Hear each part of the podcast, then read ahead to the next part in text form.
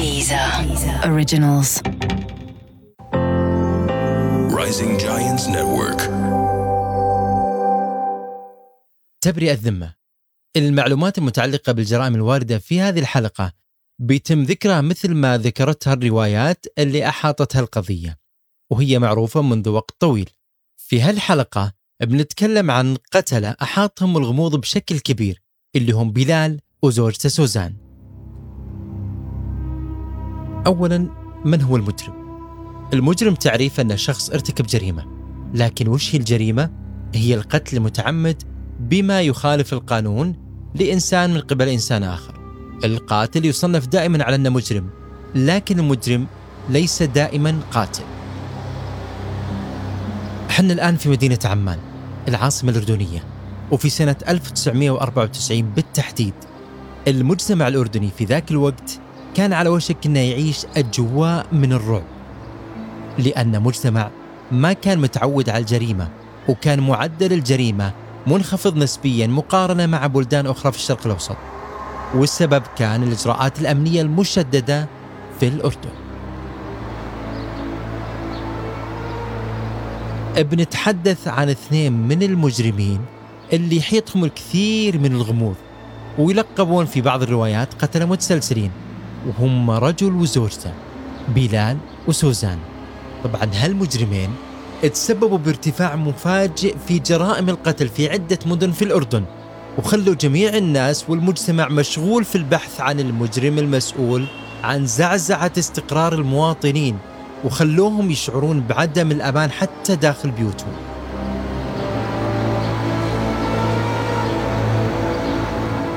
وتصوروا أنتم هالشعور. لأنه ما في أسوأ أبدا من الخوف من المجهول وأيضا الخوف من قاتل المجهول. الناس ما كانوا يعرفون المسؤول عن هالجرائم هل هو قاتل واحد ولا قاتلين ولا ثلاثة.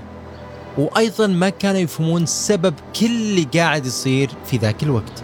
والسؤال الأكبر وش هي أهداف هالقتلة؟ طبعا الاختلاف اللي كان محير الناس ومحير المجتمع إنه كان في اختلاف كبير من ناحية الضحايا. جنس الضحايا كان يختلف عمر الضحايا يختلف وخلفيتهم المجتمعية والثقافية أيضا تختلف. وهذا التباين خلى الجميع عاجز عن الجزم مين كان المسؤول عن هالجرائم لأن بالعادة القتلة متسلسلين عندهم نمط واضح في تحديد الضحايا. خلونا ندخل في بعض التفاصيل حول قصة سوزان وبيلان. طبعا للمعلومية ما كان في معلومات كثيرة حول دافع الزوجين لبداية جرائم القتل بالنسبة لهم وكيف إنهم نفذوا كل هالجرائم خلال أربع سنوات. وغير إنهم نفذوا الجرائم أيضا استطاعوا إنهم ينجون بفعلتهم على مدى هالسنوات. إضافة إلى هالشيء هم وجدوا طرق مبتكرة وسريعة عشان ينالون ثقة ضحاياهم إلى درجة أن الضحايا بنفسهم كانوا يدعون بلال وسوزان إلى بيوتهم. يعني تخيل أن الضحية بنفسه بسبب الطرق المبتكرة من القاتلين هو اللي يدعي هالمجرمين إلى بيته. لكن أيضا بلال وسوزان كانوا يختارون بعض الضحايا ويقررون أنهم يروحون لهالضحايا في بيوتهم بملابس رسمية مثلا بدلة تكسيدو أو سترة كذا راقية وهم بنفسهم يطقون الباب على ضحاياهم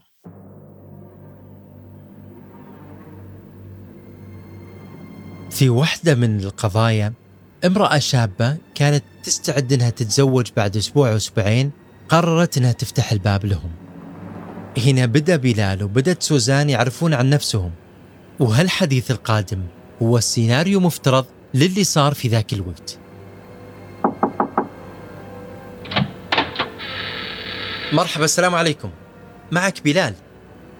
اي وعليكم السلام. حنا هنا لاحظنا أن الشباك اللي عندكم في الدور العلوي يحتاج تنظيف لأنه مغبر جدا وكل هذا بسبب العواصف اللي مرت علينا يعني والرياح القوية وأنا حاسس أنكم صعب تنظفونه وأيضا ترى كذا ما تقدرون تشوفون اشعه الشمس ولا الجو برا البديع لذلك جبنا لكم مسحوقنا المعتمد هذا ونتمنى انكم تستخدمونه عشان ينظف القزاز حقكم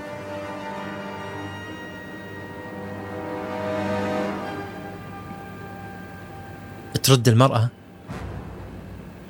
شكرا أنا والله كنت ناوي أنظف الشباك لكن صراحة كنت أنتظر خطيب يجي الأسبوع الجاي هو ينظفه بنفسه وهو بيهتم بالموضوع أصلا. هنا يبدأ بلال وسوزان يطالعون ببعض ويبتسمون. واو ما شاء الله شكلك بتتزوجين قريب. ألف مبروك. بس أقول لك شيء بس أنا أشوف أن هذا سبب أنك أنت بنفسك تنظفين الدريشة عشان يقول والله أنا متزوج ست بيت. ها وش رأيك؟ تدرون؟ تفضلوا أهلا وسهلا. شكلكم محترمين. وبعد ما نجحوا الزوجين بإقناع الشابة المسكينة دخلوا بيتها. وهناك ارتكبوا جريمتهم بحقها الشابة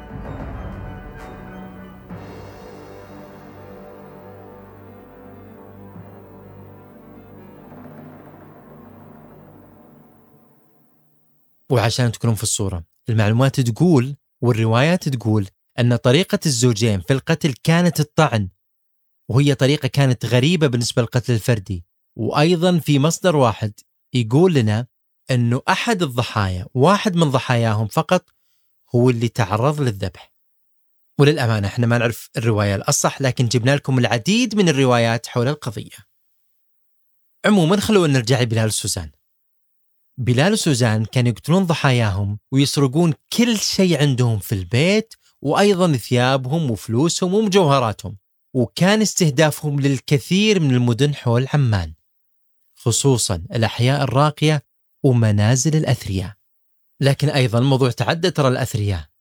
من بين ضحاياهم كان في بائعة موز وكان في امرأة مصرية أيضا مع طفلها اللي يبلغ ست شهور فقط وكان هذا في ضواحي عمان.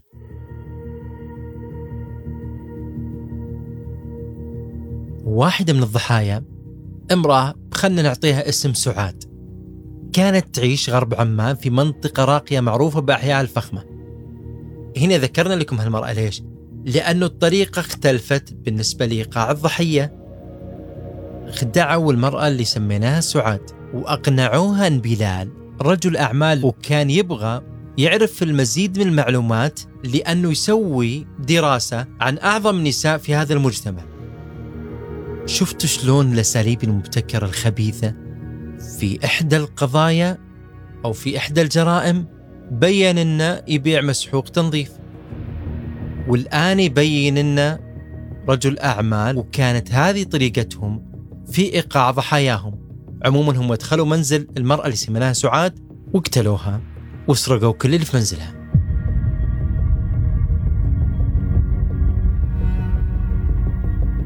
عمر بلال في ذيك الفترة كان 26 سنة وقت تنفيذ جرائمه وزوجته كانت أكبر منه بسنة واحدة فقط. الزوجين ومثل ما ذكرنا ينتحلون بالعادة عدة شخصيات. كانوا في بعض الأحيان يقولون أنهم صحفيين وأحيانا مندوبين مبيعات. وهذا اللي خلى الشكوك تبتعد عنهم تماما بالنسبة للي يحققون في القضية. الأمر الثابت الوحيد في هالموضوع طريقتهم في قتل ضحاياهم وجرائمهم دائم تحصل في الساعات الأولى من الصباح من الساعة 6 إلى الساعة 10 وبصراحة يعني قلة التفاصيل في هالقضية هي من الأمور اللي تخلي القضية فيها غموض وفيها دهشة كبيرة خصوصا في الشرق الأوسط لأن الشرطة دائما تكشف عن معلومات الجرائم بالتفاصيل وفترة وقوعها.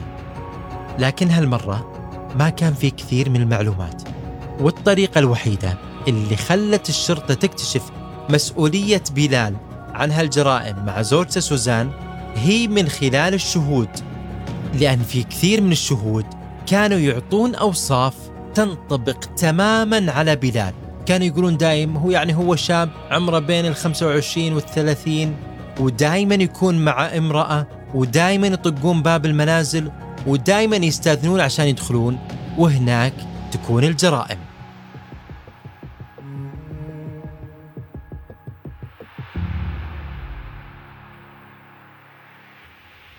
الروايات كانت تقول إن بلال وزوجته كانوا ينفذون جرائمهم بدم بارد.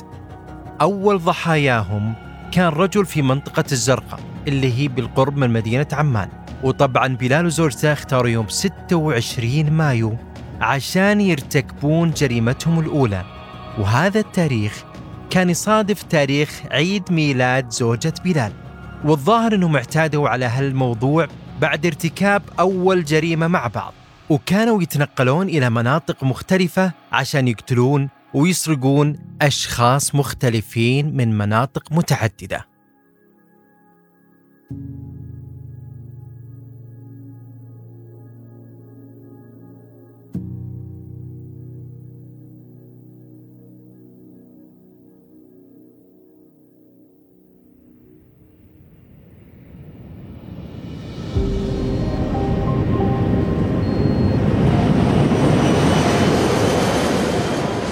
لكن الشرطة نجحت إنها تقبض عليهم بعد ما أصدروا مذكرة توقيف دولية من الإنتربول.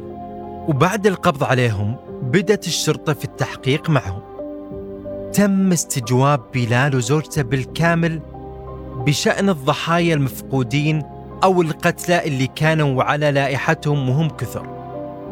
بعد سلسلة من التحقيقات بدأوا بلال وسوزان يستسلمون في النهاية. وأخيرا اعترفوا للشرطة أنهم قتلوا عدد من ضحاياهم دفاعا عن النفس ومنهم الضحية اللي كان في منطقة الزرقاء لأنهم حسب ما ذكروا أنه كان يعتدي جنسيا على زوجة بلال اللي هي سوزان وهو اللي دفعهم إلى قتله ومن ثم الهرب إلى ليبيا. بعد التحقيق معهم تمت إدانتهم على الفور وصدر في حق بلال سبعة أحكام بالإعدام وتم تنفيذ الحكم شنقا في أحد السجون في تاريخ 7 ديسمبر من عام 2000 ميلادي. أما الحكم على زوجته فتم تخفيفه من الإعدام إلى السجن مدى الحياة مع الأشغال الشاقة. وبعد فترة قصيرة من دخولها السجن ماتت سوزان بسبب مرض ما تم الكشف عن طبيعته.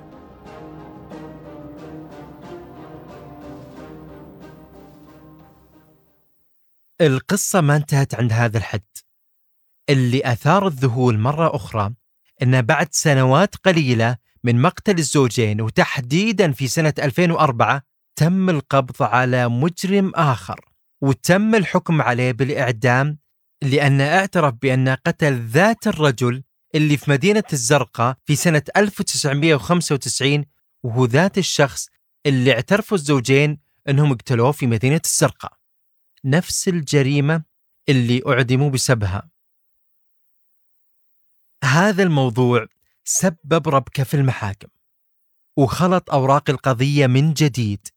اضطرت المحكمة أنها تعيدها مرة أخرى إلى المحاكم الدنيا وإلى محكمة النقد عشان يدرسونها مرة ثانية لأن من غير المعقول أن يكونون شخصين حكم عليهم بالإعدام ارتكبوا نفس الجريمة. ولما كثر الأخذ والرد في هالموضوع كان القرار النهائي أن اعتراف بلال كان يطابق وقائع القضية تماما وهذا يعني أن اعترافه هو الصحيح والأكثر صدقا. وللتنويه فقط بتلقون على الإنترنت واقعتين فقط عن هالرواية لكننا تحدثنا هنا عن واحدة منها فقط وبنناقش الآن الفرضية الثانية.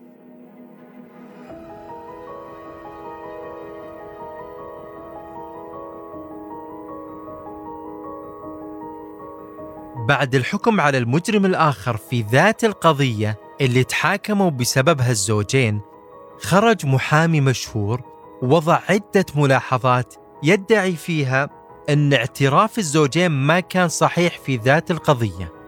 وبعد ما خرجت هذه التصريحات إلى الملأ. للمطالبة بسرعة إلغاء عقوبة الإعدام في الأردن. وبالفعل تم تعليق العمل بعقوبة الإعدام بين الأعوام 2006 و2014 تفاصيل هالحكاية الغامضة والتساؤلات الكثيرة حولها خلقت عدد من الاستفهامات العالم إلى الآن تسأل هل فعلا بلال وزوجته قتلوا 11 شخص. وإيش التفاصيل الحقيقية في هذه الرواية وفي هذه القصة؟ وأي من الروايتين اللي نشوفها الآن متواجدة هي الصحيحة عنهم؟ تفاصيل عجيبة جدا عن قتلة متسلسلين الروايات عنهم مختلفة لكن في الأخير وحسب السلطات الأردنية بلال وزوجته سوزان كانوا قتلة متسلسلين العدد من الضحايا. في الحلقة القادمة من بودكاست الجريمة بنناقش الأمور النفسية لقضية الزوجين بلال وسوزان مع الاختصاصية النفسية زميلتنا نانسي جديد. مع السلامة.